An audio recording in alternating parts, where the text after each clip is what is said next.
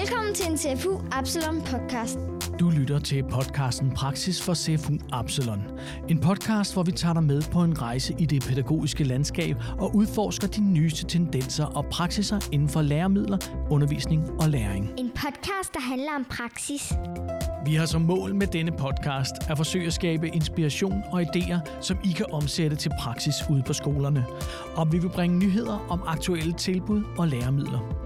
Derudover vil vi til hver udsendelse bringe et aktuelt tema, hvor vi dykker ned i et specifikt område.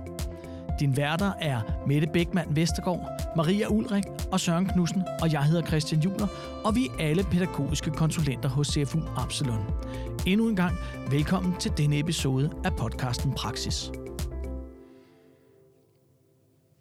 God formiddag, og velkommen til, til den her podcast. Det er jo ikke sikkert, det er formiddag, når I hører det, det er, at, at høre podcasten. Det ved man jo faktisk ikke. Det er jo det, der er det gode ved en podcast. Det er, at man kan høre den, når man har lyst til. Og øh, i studiet i dag, så er vi jo, vi er jo alle mand. MK med mere. Mm-hmm. Øhm, og øh, Maria, vi to, vi har jo ikke så været så meget med ind over temaet, som vi skal lytte til i dag. Det er jo øh, Søren og Mette, som, øh, som har inviteret Susanne i, øh, i studiet. Og kunne I ikke bare lige kort, øh, Søren og Mette, bare lige en øh, løftsløret for, hvad, hvad er det, det skal handle om i dag? Jamen i dag skal det handle om, at øh, vi i mit CFU øh, i slutningen af 2022 fik lydbøger.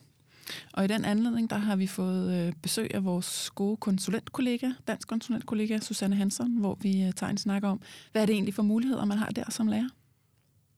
Og lydbøger, og, og en helt lytteunivers i virkeligheden. Øh, og det, det, øh, det var rigt, rigtig spændende at høre mere om. Så det, øh, det glæder vi til lige at give videre. Mm. Maria, hører du lydbøger? Ja, det gør jeg.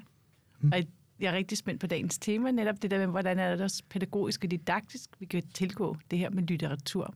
Lige præcis. Hvordan kan det bruges i en skolekontekst? Jamen, så tænker jeg ikke, at der er så andet, meget andet, at vi sætter gang i dagens tema.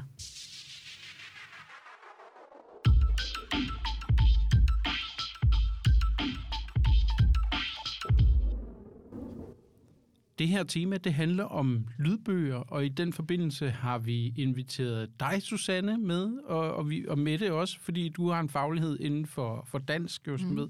Mm. Og Susanne, vil du ikke starte med at præsentere dig selv? Det kan du tro. Jeg hedder Susanne Hansen, og jeg er CFU-konsulent her på øh, CFU, og arbejder med mellemtrin og udskoling. I den her sammenhæng er det allermest mine praksiserfaringer fra undervisningen, hvor jeg arbejder primært i udskolingen, i dag kommer vi til at berøre lidt 6. 7. der i det lag. Ja. Mm. Og så handler det om lydbøger, fordi at lydbøger er noget forholdsvis nyt i, i CFU-sammenhæng. Man kan låne lydbøger på, vores, øh, på mit CFU. Men, men først og fremmest, hvorfor, hvorfor har vi valgt at investere i lydbøger? Altså CFU har valgt at investere i det, fordi lydbøger, litteratur, som vi også kalder det, er blevet super hot de seneste år. Og øh, en gang kunne man tænke øh, lydbøger som noget kompenserende værktøj, hvor man sagde, der vi sender eleverne på nota, hvis de er ordblinde, men nu tænker vi det som en øh, variationsform, en oplevelsesform, og det at arbejde med læselyst i det at bruge ørerne som, øh, som værktøj til at, at læse. Og der er sket det også i læsevaneundersøgelserne, at elever faktisk synes, det er en lille smule federe at lytte til litteratur, frem for at læse det. Så det er også for at tale ind i den sammenhæng og være attraktiv på, det, på den platform. Mm. Ja. Øhm, altså, når jeg, når jeg hører lydbøger, det, det er en stor del af min hverdag, og så gå og lytte, så er der sådan meget... Øh, jeg er blevet meget opmærksom på, at der er forskellige typer af lydbøger. Hvad, altså, hvad er det, vi har kastet os over i CFU? Hvad er det for nogle typer af lydbøger? Jamen, man kan faktisk finde lidt forskellige slags lydbøger. Øh, der er selvfølgelig de sådan helt traditionelle, hvor det er enten forfatteren selv, der læser sin tekst højt, eller det er en rigtig dygtig skuespiller. Men vi har faktisk også nogle øh, lydbøger, som, øh, som også kunne gå under navnet lydfortællinger, hvor der øh, ved siden af det at være en fortællerstemme, så er der også noget underlægningsmusik, og der er nogle effektlyde, som på en eller anden måde er med til at bære en genre frem. Det kunne være gysergenren, øhm, og, og på den måde skabe sådan et meget sådan ambitiøst og intenst lydunivers i virkeligheden. Vi har øh, eksempelvis en, øh, en gyser til, til mellemtrinnet, de, de ældste på mellemtrinnet, 5. til 7. klasse, tror jeg, den henvender sig til, som netop, øh, den er skrevet af Lars Daneskov og hedder Maskernes Hus, og den er sådan et rigtig godt eksempel på en lydfortælling, øh, hvor øh, musikken er med til at bringe det dystre og uhyggelige frem i den der spøgelsesfortælling. Så de almindelige lydbøger, og så lydfortællingerne med, med effekter. Og så har vi også valgt øh, en den slags litteratur, hvor, hvad skal man sige, øh, rytme spiller en stor rolle. Jeg tænker, at hvis de fleste øh, tænker på Jaja Hassan, så, øh, så ved man godt, at hans litteratur, det er en slags, hvis den bare kommer i bogform. Noget andet bringes til fadet, når man hører ham selv læse højt. Så der er også den slags lydbøger, altså hvor vi næsten ikke kan undvære fortællerstemmen. Og det er blandt andet jeg er Hassan. Men det er også sådan en øh, fantastisk forfatter som Marianne Iben Hansen, som jo skriver mest egentlig indtil nu øh, til indskolingen, men øh, også nu her er kommet med nogle udskolingstekster, som mere er sådan noget rap. Og der, øh, det gør sig utrolig godt, kan man sige, i, øh, et, i et lydbogsunivers. Så det er sådan nogle af de pejlemærker, vi er gået efter, når vi skulle vælge titler. Så der, der er noget med at udvælge i forhold til de kvaliteter, der også ligger i lydbogen, ikke bare selve øh, man sige, fortællingen eller litteraturen. Lige ja. præcis, ja. Susanne, du har jo faktisk brugt lydbøger i, i din undervisning. Hvordan har du brugt dem? Altså, lydbøger er så ambitiøst nok at sige, at det er det, jeg har brugt. Jeg har prøvet ja. med en enkelt lydbog, ja og øh, det var en klassisk lydbog. Det var Djævelens Lærling, som mange af jer, der lytter med, må kende, øh, om Philip, som er en rigtig god dreng, der ved et uheld bliver kørt ned og lander i helvede, udset til at være Djævelens Lærling. Og øh, den her lydbog er ret lang. Og der er også det med, at når man lytter til lydbøger, så er ens syn ikke bundet til selve processen at læse. Så tankerne kan let gå på langfart, og man ligesom kan glemme at lytte efter, hvad det er, man hører. Så noget af det, vi var meget optaget af her i klassen, det var, og ligesom når vi arbejder med læseforståelsesstrategier, så arbejder vi med lytteforståelsesstrategier. Så undervejs skulle de gøre forskellige aktiviteter for at fastholde deres læsning, for at kunne huske, hvad det var, de havde lyttet til, når nu synet ikke var bundet til den her oplevelse her. Og det var altså helt klassisk de samme faser, som man kender i anden litteraturundervisning. Før du læser, vi gjorde os klar til at læse Djævelens Lærling, og efter vi havde læst. Men de her lytteforståelsesstrategier kom primært ind undervejs. Det kunne være, at øh, de lyttede til et, øh, et kapitel, samtidig sad de og lavede, øh, havde et stort stykke papir foran sig, hvor de lavede noter i tegninger – så de noterede ned med tegninger, hvad det var, de lyttede her. Det kunne være en form. Efter en anden time, hvor de havde lyttet, skulle de sende mig en kort besked på vores intranet. Hvad, hvad, hvad har jeg lyttet til lige nu? Og da vi gik helt amok, var det, hvor vi inkluderede modellervoks til at vise, hvad havde vi hørt her. Det var, det var den rigtig ambitiøse. Så prøvede vi også at vise et kapitel i emojis. Altså hele tiden ting, der fastholdt, hvad er det, vi har lyttet til, og, øh, Ja, så, så det ligesom sank ind i deres hukommelse og, og styrkede deres hukommelse for det, de havde lyttet. Men varierede alle mulige former. Hvad fik de med sig? Altså, altså sådan på, når man kigger tilbage, hvad fik de med sig af sådan et forløb? Altså det, de fik med sig, det var først og fremmest at få en rigtig, rigtig god lytte-læseoplevelse, hvor de blev meget optaget af handlingen. Og det er ikke øh, altid, at den slags oplevelse står i kø, når man sætter unge og børn til at læse. Så det, det fik de med sig. De fik jo også nogle redskaber med sig, som de kan bruge i andre sammenhænge, både når de læser klassisk læsning, og når de lytter i øvrigt. Så de, de fik nogle værktøjer med, og de fik en oplevelse med. Og så fik de jo også litteratursamtaler på helt mm. klassisk vis. Mm. Altså lidt ligesom når vi læser, så, så ved jeg, så snakker I jo som dansk konsulenter rigtig tit om læsestrategier og så videre. Men I har også arbejdet med det, altså måder at lytte på. I har arbejdet med noget, I, I kalder øh, lydbogsrammer. Ja. Øh, øh, hvad, hvad er det? Jamen det er, hvad kan man sige, det er et, øh, et forslag til et didaktisk redskab, som øh, ligger inde på alle lydbogsposter, sådan man som, øh, som lærer får nogle forslag til, hvordan kan jeg egentlig gribe det an, når jeg nu skal lytte, øh, lytte læse en bog. Altså der kan man måske godt føle sig lidt nøgen som dansk lærer. Og den glædelige nyhed øh, ved de her lydbogsrammer, det er, at der faktisk er en hel masse greb, som man bliver glad over. Dem kender jeg faktisk godt i forvejen. Og de fungerer lige så fint som strategier, når vi lyttelæser, som når vi læselæser. Øhm, men der er også øh, altså nye øh, aktiviteter, som man kan lade sig inspirere af i den her lydbogsramme øh, med en masse aktiviteter, der har præcis med lyden at gøre. Øh, og det kunne eksempelvis være, altså der er fem faser i den her lydbogsramme, som, øh, som ikke vil være fremmed for dansk lærer. Det er noget med at gøre sig klar. Det er noget med at iscenesætte læseoplevelsen. Øh, det er noget med at undersøge øh, udvalgte ting ved den her lydbog. Det er noget med at tolke, og det er noget med at perspektivere og vurdere. Og så foreslås der en hel masse strategier inden for de faser. Øh, og nu, kunne vi jo, nu, nu kom øh, Susanne jo med nogle gode eksempler på, hvad man kunne gøre. Øh, en af de ting, som vi foreslår i, øh, i lydbogsrammen, det er, at man kunne lave en lyttebingo, mens man sidder og lytter til et kapitel. Øh, og, og det er? Ja, hvad i alverden, hvad er lyttebingo? Hvad i alverden er lyttebingo? Jamen, det er bingo på den måde, at alle elever får en bingoplade, og, øh, og i stedet for tal, så står der øh, et ord eller, en, eller et bestemt element ved den her handling, som læreren godt vil have, at eleverne lytter efter. Og det vil sige, at man beder jo faktisk eleverne om at lytte sorterende. Altså at også skærpe deres lytteopmærksomhed, Øh, man har måske ovenikøbet bedt dem om at lukke øjnene, så den der øh, visuelle sans, som jo bare er så stærk, faktisk dæmpes, og ørerne virkelig får øh, lov til at koncentrere sig om at, at suge handling til sig. Og så skal eleverne lægge mærke til, øh, hørte jeg det, der står på min bingoplade, og kan jeg rent faktisk også forklare det til min sidemand, når kapitlet er færdigt? Hvad var det egentlig, der var med den her klassefest? Så det er et eksempel på en, en øh, aktivitet, man kan lade sig inspirere af, og som jo hører til i den fase, der hedder, øh, vi lytter og oplever. Og alle de her lydbogsrammer, der er udviklet en til indskolingen, og så er der udviklet en til mellemtrinet og en til udskolingen. Og hvis man lavede den øvelse, og det er der måske ikke så mange, der gør, ud over mig, men, men hvis man lavede den øvelse og lægge dem op ved siden af hinanden, så kan man godt se, at de er bygget over den samme lyttefaglighed, men at der selvfølgelig er en progression eller en rød tråd i det, at udvikle elevernes øh, lyttefaglighed.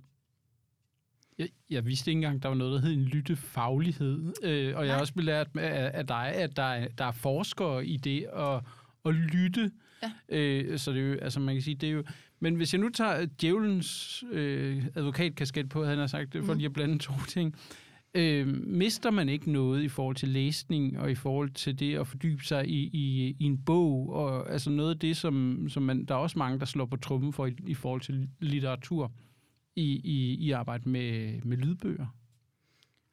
Altså det er klart, at lydbøger kan ikke stå alene. Vi skal stadigvæk bevare den almindelige klassiske læsning, hvor vi læser med, med øjne og, med, og på den måde.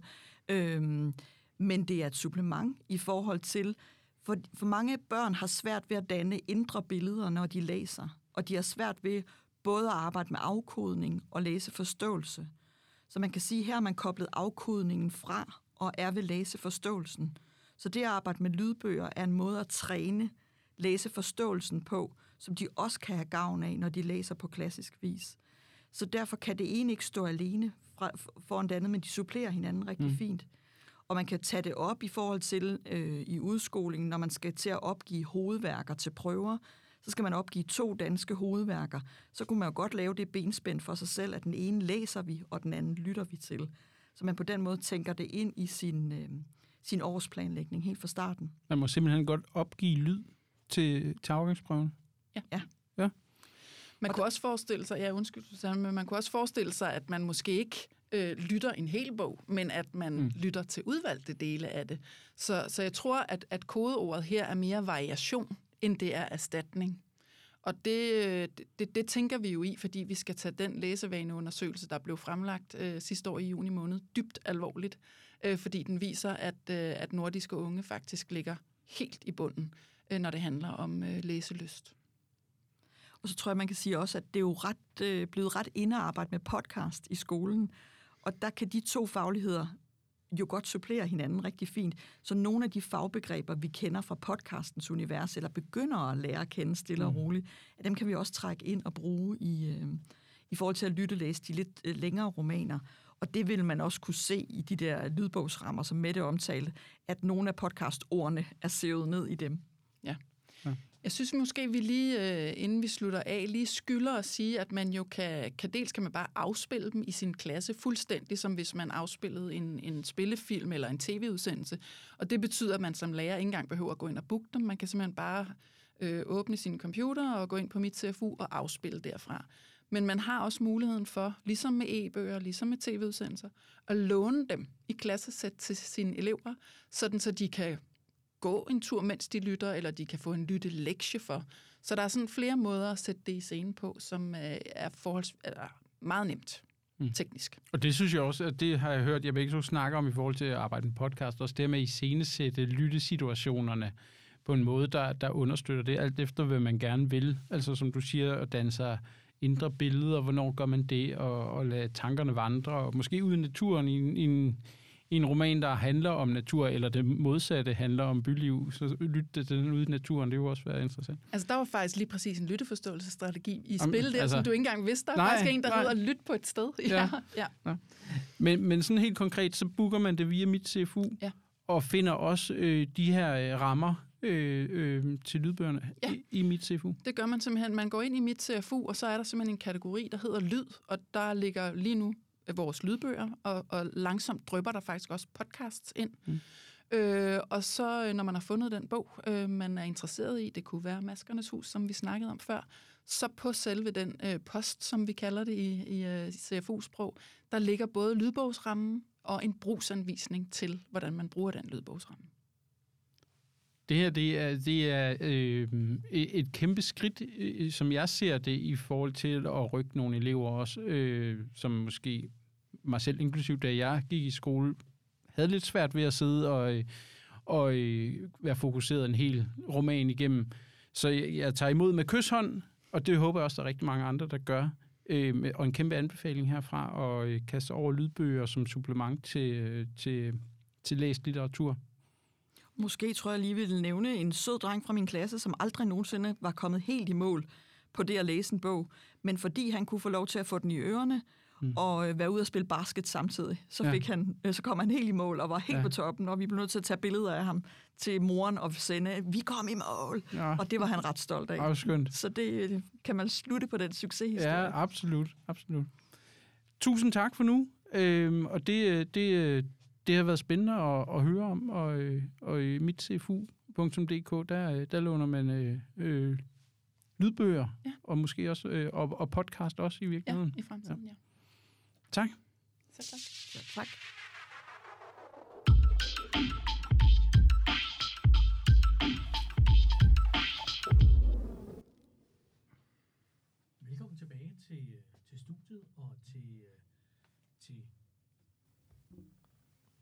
Jeg skal lige trykke på de rigtige knapper, for at lige at vide. Jeg siger velkommen tilbage til studiet, og, øh, og velkommen tilbage til en anden form for, øh, for lytte, øh, en, en lydbog en lydmedie, hvad hedder det, til, til podcasten her. Men podcast, det findes der jo også på, på mit CFU, og det, men det kan være, vi kommer til at snakke om det. Øh, super spændende, øh, og, og, og hvor er det dog relevant, at vi er begyndt at få lydbøger ind på, på mit CFU. Øh, hvor mange lydbøger ligger der cirka med det? Ja, lige nu er der omkring 40, et par 40. Øh, flest til øh, udskoling og mellemtrin, øh, lidt færre til indskolingen. Så det er rigtig vigtigt, at vi øh, på en eller anden måde ser, hvordan skolerne tager imod det. Øh, fordi det er klart, at vi skal selvfølgelig smide nogle midler efter det her, som betyder, at vi ikke kan købe almindelig litteratur. Øh, så, så vi skal selvfølgelig se, hvordan skolerne tager imod det her, inden vi ligesom bygger basen øh, videre op, kan man sige. Og, og, øh, og hvor, hvilke genre? Øh, er det i alle øh, forskellige øh, litteraturgenre, eller, eller hvor? Ja, altså nu, nu beskrev vi jo lidt i podcasten, hvad det egentlig er, vi er gået efter, ikke? Altså både traditionelle lydbøger og, og, og lydfortællinger med Mm. underlægningsmusik og lydeffekter osv. Men ja, du vil både kunne finde, øh, du ved, øh, almindelige virkelighedsskildringer, gys, øh, du vil kunne finde øh, lyrik, så på den måde spænder det egentlig bredt. Maria, hvad, hvad, hvad, hvad blev du nysgerrig? Var der noget, du blev nysgerrig på i forhold til det her, hvad med lydbøger, de, øh, de kan i forhold til, eller lydfortællinger kan i forhold til, til skolen herunder? Jamen, øh, både nysgerrig, men også begejstret over det der med faktisk at tale ind i en faglighed i, at når vi taler litteratur, hvad kan det frem for litteratur? Så også de her fagtermer, som vi faktisk bliver givet i podcasten, er jeg ret begejstret over. Og så det der med også at skelne mellem, at vi læser med ørerne, eller vi læser med øjnene, at det er også en faglighed at tale ind i. Og skal, er det ene bedre end det andet, eller nej? Vi skal begge dele, men vi skal have målet for øje. Hmm. Og der synes jeg også, Susanne faktisk meget tydeligt siger, hvad er læsning? læsning handler jo traditionelt set om afkodning, altså det tekniske og forståelse. Men når vi kigger på litteratur, så tager vi jo afkodningen væk. Og det gør, at vi kan have fokus på det med forståelse og fordybelse, og netop som Mette også siger, taler ind i det, hvordan kan vi styrke børn, elevernes læselyst, mm. fordi vi øh, frigiver noget energi til hele forståelsen og fordybelsen. Så det synes jeg er en, er en mega vigtig pointe, og jeg synes, vi didaktisk og pædagogisk bliver rigt, holdt rigtig godt i hånden med de her lydbogsrammer, som er, er udviklet. Mm. Jamen, Mette? Jamen, jeg får bare lige lyst til at kommentere på det, fordi jeg har, øh, en, har haft en samtale med en lærer, som havde prøvet de her lydbøger af i klassen. Og hun var ret spændt på, hvordan de ordblinde elever egentlig tog imod det der med, at de plejer jo at være alene om mm. at lytte til deres litteratur. Så det der med, at de blev en del af et større fællesskab, havde hun synes var enormt interessant. Og der var et par af hendes elever, som faktisk havde været vant til at sætte deres lydbøger på dobbelt hastighed ja. i meget lang tid. Ja. Og det betød jo, fordi de havde fokus på, at afkodningen skulle de hjælpes med. Ja. Så det der med at lytte til den i normalt tempo, mm. gjorde noget helt vildt for deres oplevelse og for deres forståelse. Så også for ordblinde elever, hvor man tror, at det er de fuldstændig hjemme i, mm. der havde det faktisk været en, en virkelig positiv oplevelse. Det synes jeg bare lige var en sjov, en sjov øh, kommentar. Ikke? Ja, og nu, nu kan vi jo nu må du jo stoppe os, Christian, ja, men fordi, jeg... fordi men netop den her optagethed af ordblindhed, som jeg også har, der er det der med at sige, ja, vi har vores ordblinde, som på en eller anden måde er også lidt heldigt stillet i forhold til at have alle bøger på noter, men vi har bare rigtig mange andre elever, som også er i afkundighedsvanskeligheder, men som også siger desværre og laver sådan nogle, ja, og man kan sige desværre, men de er ikke, dem, der ikke er ordblinde, de har jo også afkundighedsvanskeligheder og bliver hjulpet her. Mm. Og jeg tænker et eller andet sted, at det er jo øh, super, super, øh, super godt, at vi har fået et, et endnu et, øh, en måde at kunne opnå en læseglæde, selvom man måske har svært ved, ved det her med afkodning. Søren, hvornår oplevede du for første gang en læseglæde, da du var dreng? Altså, kan du huske din bog? Hvad, altså, jeg stod lige og tænkte, kan jeg huske tilbage på den bog, hvor jeg virkelig øh, oplevede læseglæde og kan huske?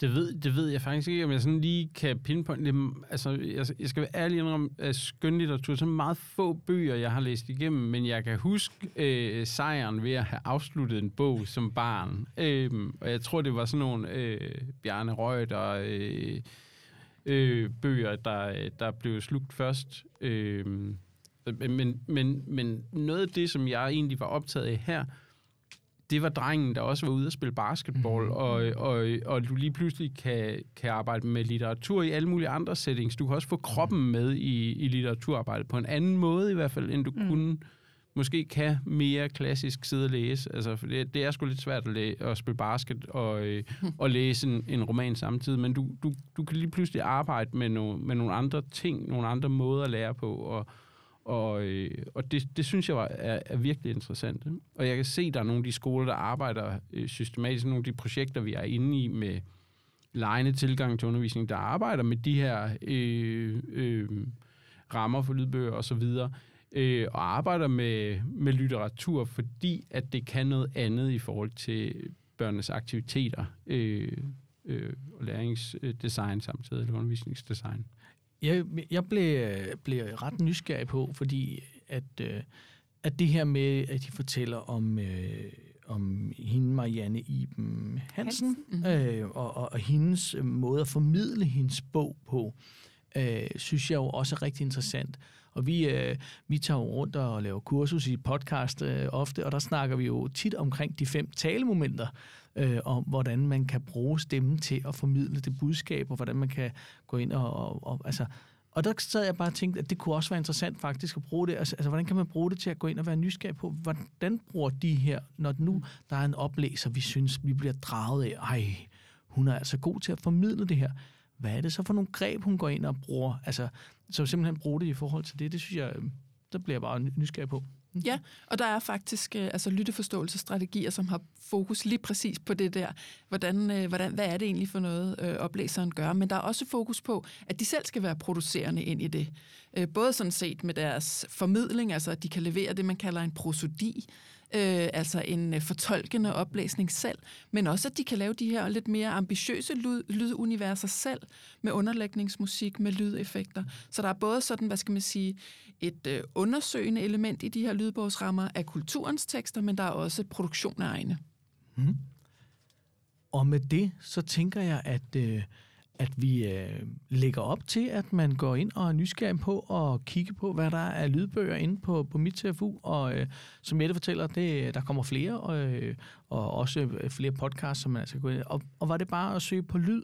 Ja, lige præcis i den kategori, altså der, hvor man normalt går ind og finder materialer til din undervisning, tv, spillefilm, der er der nu en kategori, der hedder lyd.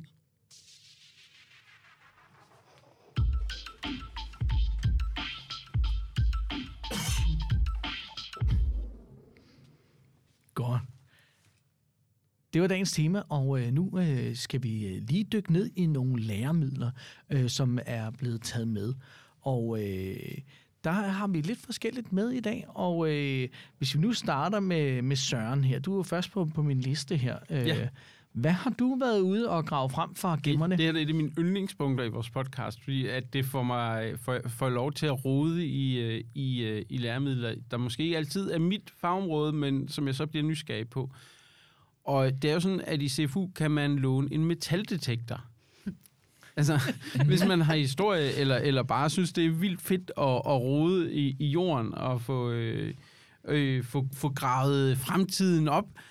Og, øh, og, og det er jo fordi, for det første så er det jo fordi, at igen det her med at få sat kroppen i spil og få nogle altså sådan fysiske erfaringer med noget, men i historie, der skal man jo også, altså der er et område, der, der handler om historiske spor og kildeanalyser, og det er jo, det er jo lignet i at, øh, at få det igennem mellem fingrene i stedet. Altså, jeg kan forestille mig, at det kan skabe en anden motivation. Jeg blev selv meget motiveret af bare at, at kigge på det. Altså det her med at gøre historien, altså jeg tænker mere levende og, og, øh, og lokalt og øh, forestille dig lige at gå og, og, og finde, grave, grave den næste store vikingeskat op, mm. eller et eller andet.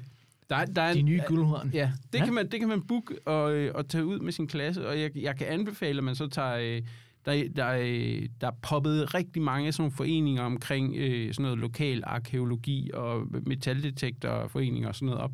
Så man måske endda også arbejder sammen med dem øh, og laver noget åben skole omkring det.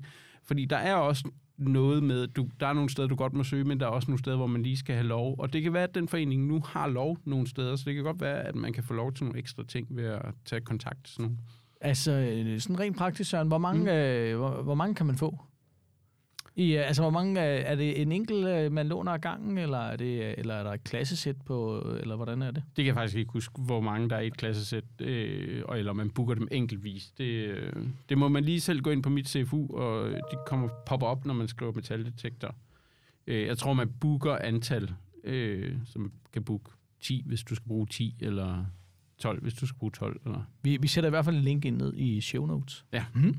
Med, øh, nu hopper vi over til dig. Mm. Øh, hvad, hvad, hvad, skal vi, hvad har du taget med i dag? Jamen, jeg har taget en billedbog med, øh, og den hedder Was ist denn hier passiert? Ja, Altså, so. hvad er der dog sket her? Og, øh, og måske kunne man godt øh, få en ledigis til at tro, at det er nok en tysk billedbog. Øh, det er det faktisk ikke. Fordi den er ordløs, så fungerer den både altså på begge, alle fremmedsprog, dybest set, undskyld, men også i dansk. Og øh, det er sådan, at alle øh, opslagene fungerer som en isoleret enhed. De hænger ikke sammen. Men det, man ser, det er et, øh, et billedopslag med et eller andet indbygget øh, mærkværdighed. Altså det kan være et får, der flyver. Det kan være fire ender, der har et hår, øh, ligesom Elvis. Og så øh, fungerer den her billedbog i et samspil med en QR-kode. Så eleverne skal simpelthen gå ind og, øh, og scanne QR-koden, og så får de en lille levende video, der igen uden sprog, men kun i billeder, fortæller, hvordan det her mysterie ligesom er, er sket. øh, og det synes jeg jo er en genial måde at lære tysk, engelsk, fransk på, men også super sjove øh, skriveøvelser i forhold til danskfaget. Så måske mest en bog, øh, hvis vi snakker dansk i indskoling, det tidlige mellemtrin, og når vi snakker fremmedsprog, så er vi i øh, sådan mellemtrin og start udskoling. Det er en, øh, den ser spændende ud. Mm. Mm. Marie? Ja. Og så tænker jeg, hvis nu jeg har været lige efter Søren, så er det sådan en meget tydeligt stemningsskifte, der sker lige nu, for, for det der med virkelig sådan at være ude og undersøge det lejende. Så den bog, jeg har med, er mere sådan en, hmm, sådan en rørende billedbog. Mm. Og øh, det er en, den er sprit ny. Den er lige kommet i vores udlånssamling som klassesæt, og den hedder Lille Theo Tegner. Den er oversat fra amerikansk af Lotte Salling, og jer, der kender Lotte Salling, ved, at hun er helt eminent til det med rim. Så det her med rytme og fortælle meningsfuld historie gennem rim og rytme, kan noget helt særligt. Og den har en virkelig smuk billedside. Og det er lille Theo, som bare er vokset op et sted, hvor han er fodret med gode historier og kan noget helt særligt i forhold til fantasi og til at fortælle. Og han glæder sig så meget til at komme i skole, for nu skal han bare lære at skrive alle de historier, han har. Og det er bare rigtig svært. Mm. Lille Theo starter med at komme i skole med blomster, og hele billedsiden er farverig og fyldt af blomster, og så forsvinder det mere og mere. Både hans mod, men også den her billedside bliver mere og mere trist. Og faktisk, da han starter så i skole efter sommerferien igen. Det er så... jeg ikke sikker på. Jeg forstår. det var også det meget Siri. det jeg sagde der. Prøv det, det, er, det er sådan en anden pendant til sådan en AI-ting, der er kommet ind over min computer åbenbart, så når du snakker til den, så kan den lige kunne... Nå, ja, det var det var at sige, det beklager jeg meget. Maria, Nå. værsgo, undskyld. Men det var jo helt, altså i forhold til at være i et klasserum og skabe den her stemning, som fortællinger kan, så bliver man lige afbrudt. Så jeg forsøger lige at komme tilbage til lille Theo. Der er jo faktisk så, da han starter i skole igen efter sommerferien, bare har mistet modet. Der er ingen blomster, der er ingen tro på, at han kan lære det her. Og så får han den opgave stillet af sin helt fantastiske lærer Ruth, at de skal skrive om alt det sjove og alt det spændende, de har oplevet, og der er ikke noget, Theo heller vil, men han kan ikke. Mm. Så han ligger jo derhjemme med ondt i maven. Og næste dag skal han stille sig op for en hel klassen, og kan I forestille jer det? Mm-hmm. Mm. Og så tager han mod til sig, og han ranker ryggen, og så fortæller han den mest fantastiske historie. Den står ikke i hans hæfte. Og hvad gør læreren? Fordi da, da, da Theo er færdig med at fortælle, står han i bogen helt trist over hjørnet, fordi han er jo bange for hendes reaktion. Mm. Og hvad gør Ruth? Sænker sig ned i knæ med tårer i øjnene og siger tak til Theo. Og så ender den med, at Theo får skabt et rum, hvor han kan male og tegne, og alle dem, der har lidt svært ved, ved noget, de kan komme der i det rum. Så den har sådan en helt sådan fantastisk fortælling om, hvor stor betydning, at I som underviser har for eleverne. Mm. Så en kæmpe anbefaling til det. Men, men nu har du jo afsløret afslutningen. Ja. er det ikke også okay? Og jeg blev med det helt, jeg blev helt opslugt. Ej, den er meget rørende, og vi brugte ja, den, vi læste den højt i går på børnehaveklasselederkonferencen, og hvis man ikke bliver afbrudt af Siri, så kan den fortælling faktisk det her med, at vi bliver helt rolige, og vi bliver så meget optaget af, hvordan det skal gå med Theo. Jeg beklager, at den afbrød. Øh, men jeg er vild med, at øh, det her med at sætte fokus på, at man, der er mange andre ting end bare det der med at være skriftlig, som man kan være god til at få, øh, at få succes med. Det synes jeg jo er fantastisk. Og, og altså det her med at fokus på nogle andre kompetencer. Og meget apropos, så det jeg har med i dag, det er, er, er, er også ret nyt i, i udlån, det er, en, øh, er make-do-skruer. Og hvis jeg skulle vælge et læremiddel, som jeg er allermest vild med, i hvert fald lige i øjeblikket, nu skal man ikke sige for evigt altid, så er de her make-do-skruer. Og det er egentlig så simpelt, så det er en lille plastikskrue og, og, og noget værktøj, så du øh, kan bygge ting ud af pap. Øh, og det jeg er helt vildt med, det er, at det er, det er et læremiddel, som kan bruges øh, i hele øh, skolegangen, vil jeg sige. Altså, du kan bruge det ned hos de helt små til at bygge huler eller bygge konstruktioner øh, øh, ud af, af det, du henter ned i affaldscontainer, altså papcontaineren. Og, og, men op i de større klasser kan det være, at det er i nogle af de her, nogle, nogle større produktioner, hvor man har lyst til at bygge noget ud af pap. Og det kan jo både være, at det er nogle, nogle mock-ups, øh, eller det kan være, at det er nogle mere øh, færdige øh, konstruktioner.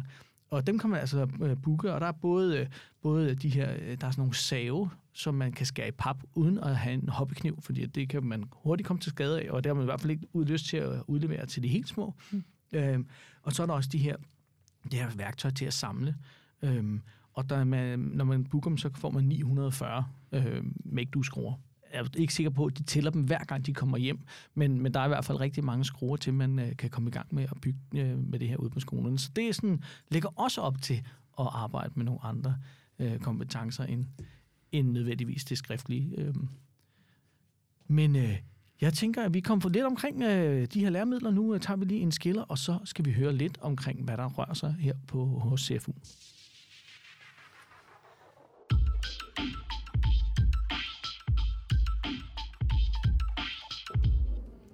Ja, og jeg tænker, Mette og Maria, er det, hvad hedder det, vi- jeg- er det, er det min computer, der bliver ved med at bimle, eller er det det? Min er på forstyr ikke.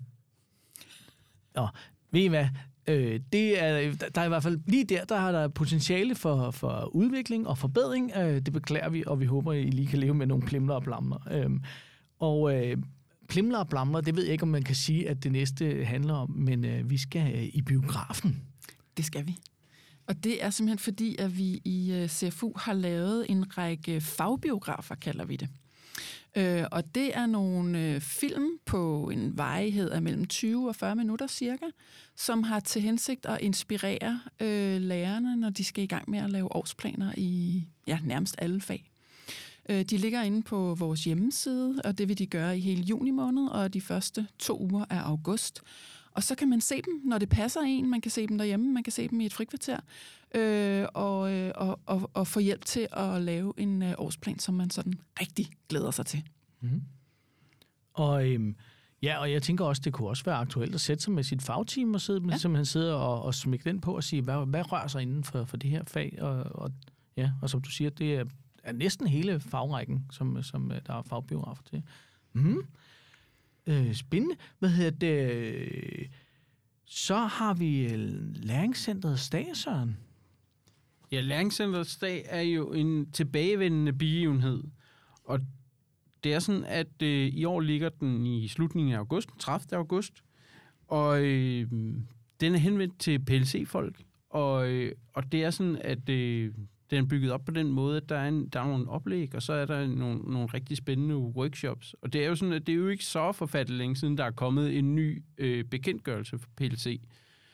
Så det er noget fokus blandt andet i oplæggene, det er øh, læremiddelbegrebet, forståelse af det og en udvidelse af det, og, øh, og brugen og af læremidler i forhold til de læringspotentialer, der er omkring læremidler. Så det, det er selvfølgelig rigtig spændende, og så er der rigtig mange forskellige workshops. Så, øh, så det synes jeg, man, tager, man skal tage og, kigge på ind på vores hjemmeside. Øhm, det, det glæder vi os til. Ja, Mm. det, det er Roskilde, Ja, skal det jeg er også Roskilde. huske at sige. Noget andet, øh, som er i Roskilde, øh, blandt andet, det er faktisk et, øh, et, rigtig godt tilbud, og det har vi jo snakket om, om før, at vi kan godt lide, når vi kommer med, med gode tilbud, og faktisk også et, et gratis tilbud, øh, fordi det er sådan, at der faktisk øh, er øh, et par kursusdage, der kommer til at handle om holocaust og andre folkedrab her øh, i august øh, og, og oktober måned. Og, øh, og og det, det ene det bliver afholdt ind på Dansk Jødes Museum, og, og det andet øh, kommer til også at, at være ude øh, i Roskilde, det er det, der er i oktober.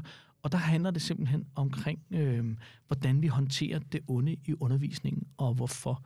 Øh, og øh, man kan tilmelde sig ind på via vores, øh, vores hjemmeside, og jeg tænker faktisk, næste gang, så har jeg fanget vores, øh, vores gode historie, øh, øh, konsulent, som hedder Garina, og faktisk lige få hende til, fordi hun er med til at afvikle det her, så får jeg lige hende til at sætte nogle endnu flere ord på. Men altså, hvis man vil sikre sig en plads, så kan man altså gå ind og tilmelde sig allerede nu. Og øh, jeg kan ikke huske, Maria, havde du øh, noget, du ville øh, byde ind med? Nej. Så vil jeg bare lige sige, at Megafestivalen, den, øh, den har vi her den 8. juni, så øh, når, vi, når vi høres ved igen, så har vi haft Megafestival man kan stadig nå at tilmelde sig. Det bliver en mega, mega fed dag. Øh, der er en del stande, der har meld, øh, meldt sig til en del skoler, og det bliver øh, super, super fedt med, med, med, med elever, som er i gang med at lave projekter og bygge ting, mm. og jeg kan godt afsløre, at der kommer nogle, nogle gode udfordringer, som de skal løse. Så øh, Skal, Mm-hmm. Ja. Til sidst, skal, skal, I lave, skal I holde fagbiograf? Skal du holde det? med? Ja, jeg, Ja. ja. Jeg, jeg har øh, lavet en, en, en god fagbiograf, som henvender sig til dem, øh, der underviser i dansk i udskolingen. Nå. Og jeg ved, at der også er lavet til øh, de andre øh, klassetrin i dansk. Så Mm. Ja, og jeg ved, at, øh, at vi har også lavet en til, til IT og medier og teknologiforståelse og Makerspace, om, øh, hvor vi snakker Mhm. om nogle af de læremidler, man kunne, man kunne låne Der er der. faktisk ret bredt dækket i forhold til fagene, kan jeg se, øh, at, at der er mange, der har budt ind, øh, og der er også noget med billedbøger, ja. kan jeg se, og, og, øh, og tale om de her svære ting, kunne jeg også se. Ja. Er det dig, Maria? Ja, Aha, ja. og det er jo, og det, er jo det der med netop også er mit fagområde, også er det der med at tænke på tværs af fag. Øh, og jeg skal, jeg skal inspirere til noget så, så glædeligt som døden.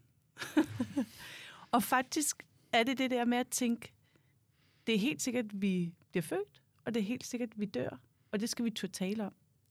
Så det der med, hvis det ikke eleverne bruger rigtig meget tid sammen med os i skolen, så derfor har jeg tænkt på det med at kunne tale om døden og bruge ikke litteraturen, men litteraturen til netop også at skabe rum for, jamen, hvordan agerer vi i, i døden, og hvordan arbejder vi med sorg, og hvordan er vi rigtig gode venner for, for dem af vores klassekammerater, der også skal komme i sorg. Så der præsenterer jeg både for indskoling, mellemtrin og udskoling, og jeg kan afsløre, at jeg kommer til at præsentere en bog, der hedder Knirke og Grævling, og det, der er så fint i den, det er, at hovedpointen er, at man kan overhovedet ikke være ked af det på den forkerte måde. Mm. Så der vil jeg inspirere til bøger, der kan tale om det svære emne om at være i sorg. Mm. Mm.